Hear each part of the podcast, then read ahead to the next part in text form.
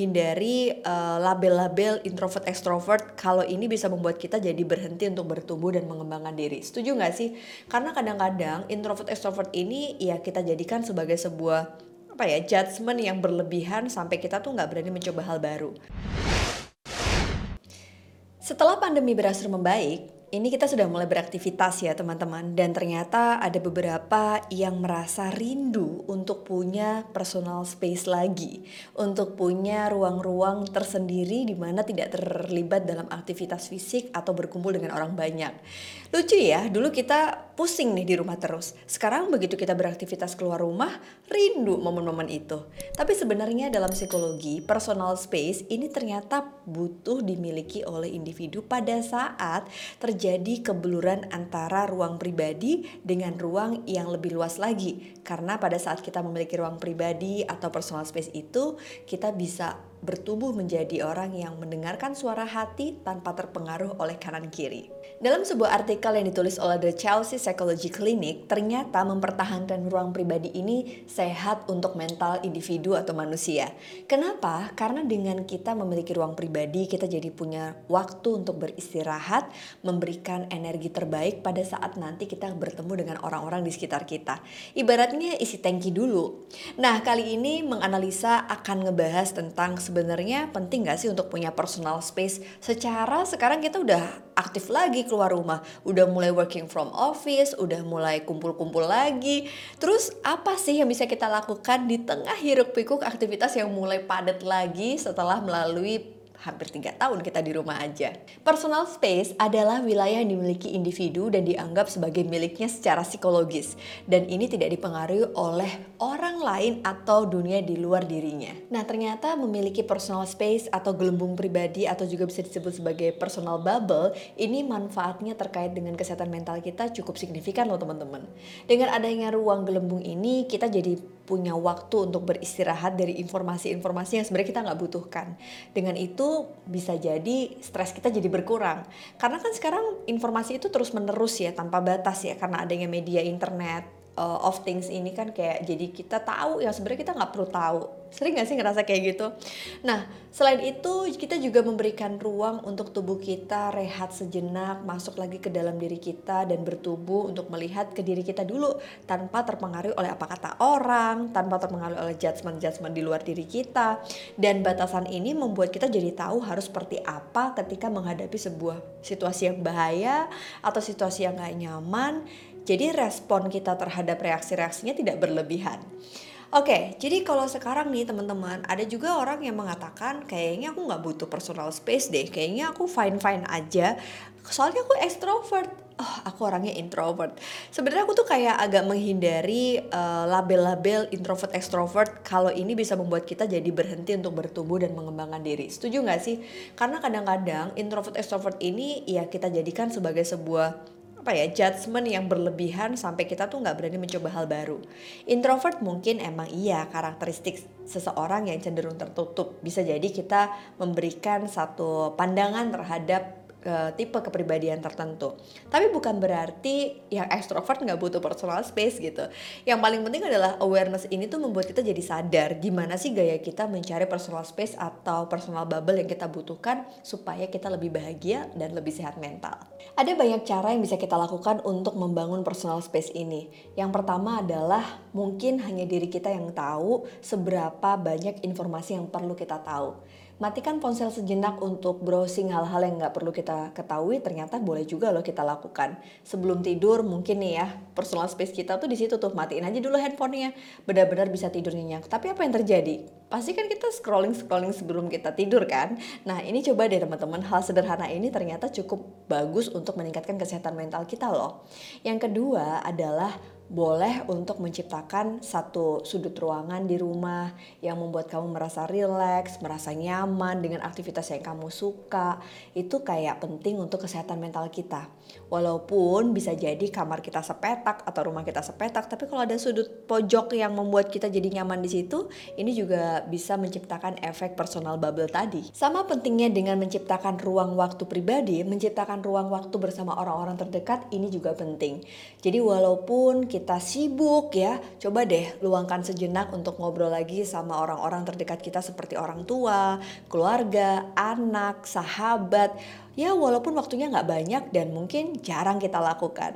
Tapi kita butuh mengisi energi kita bersama mereka supaya pada saat kita sendiri kita udah kembali nih energinya untuk masuk ke dalam diri kita. Dan energi itu didapatkan dari orang-orang yang kita cintai dan mencintai kita apa adanya. Nah berikutnya teman-teman kalau misalnya nih kamu ngerasa nggak punya support system, bentuklah support systemmu. Ini juga bisa mendukung bagaimana upayamu untuk memiliki personal bubble. Tapi jangan pernah lupa tetapkan juga boundaries nih atau batasan-batasan yang jelas. Aku pernah menjelaskan di dalam sebuah video yang waktu itu circle-circle sehat dalam uh, hidup kita gitu ya. Kadang orang ini mungkin nggak sehat ada di circle satu kita. Nah demi menjaga personal bubble kita tadi ya ciptakan relasi yang profesional aja. Dan kalaupun kita misalnya uh, memang tadinya deket, kemudian jadi nggak deket lagi, ya itu bukan berarti kita memutus silaturahmi, tapi kita memiliki bubble yang kita jaga supaya kita bisa tumbuh sebagai pribadi yang sehat secara mental.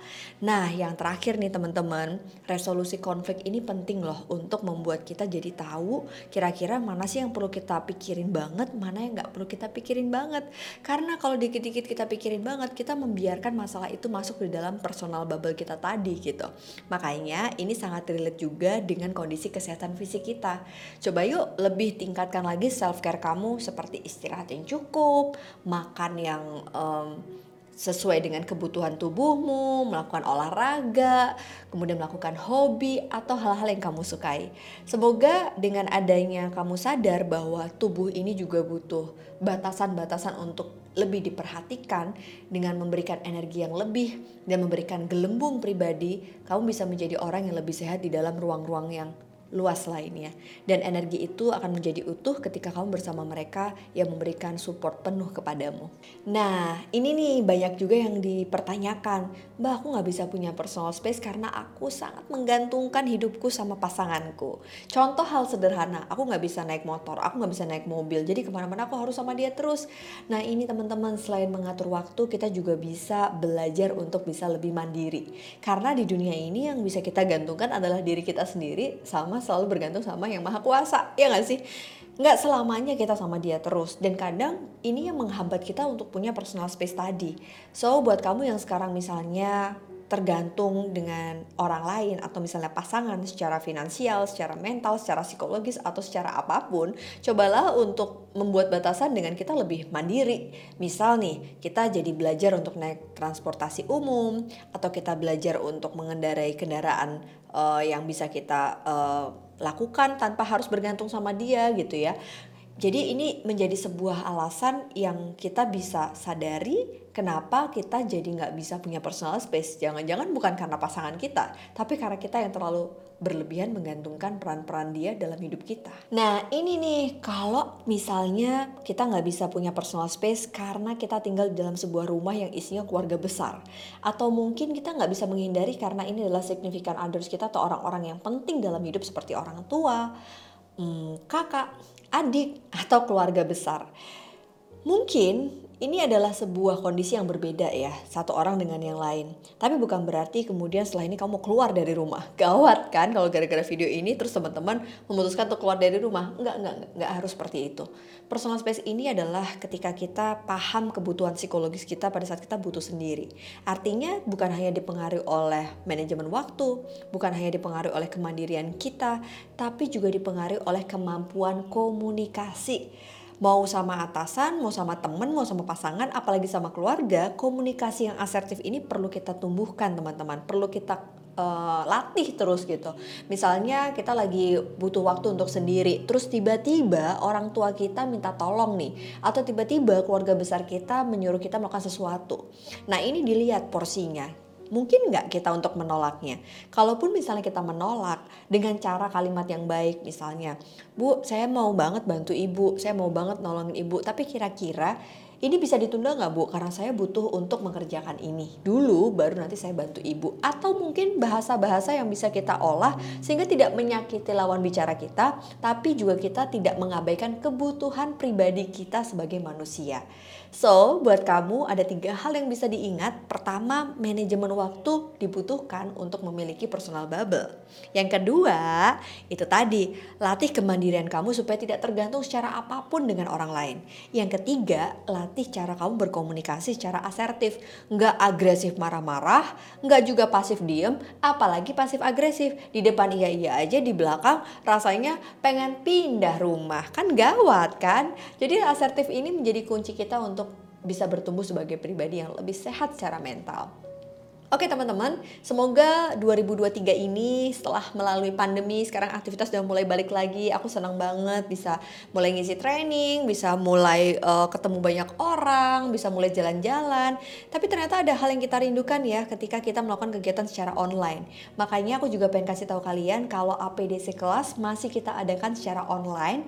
Karena apa? Karena aku pengen mengajak kalian dari seluruh Indonesia tanpa harus datang. Kita belajar bareng dengan tema-tema di setiap pembelajaran yang kita sediain. Nah, dalam waktu dekat ada kelas apa sih? Langsung aja cek Instagram APDC Indonesia atau cek Instagramku analisa.widianingrum. Thank you for watching dan sampai ketemu di episode berikutnya. Boleh dong komen di bawah kira-kira next episode aku mau bahas apa ya. Bye!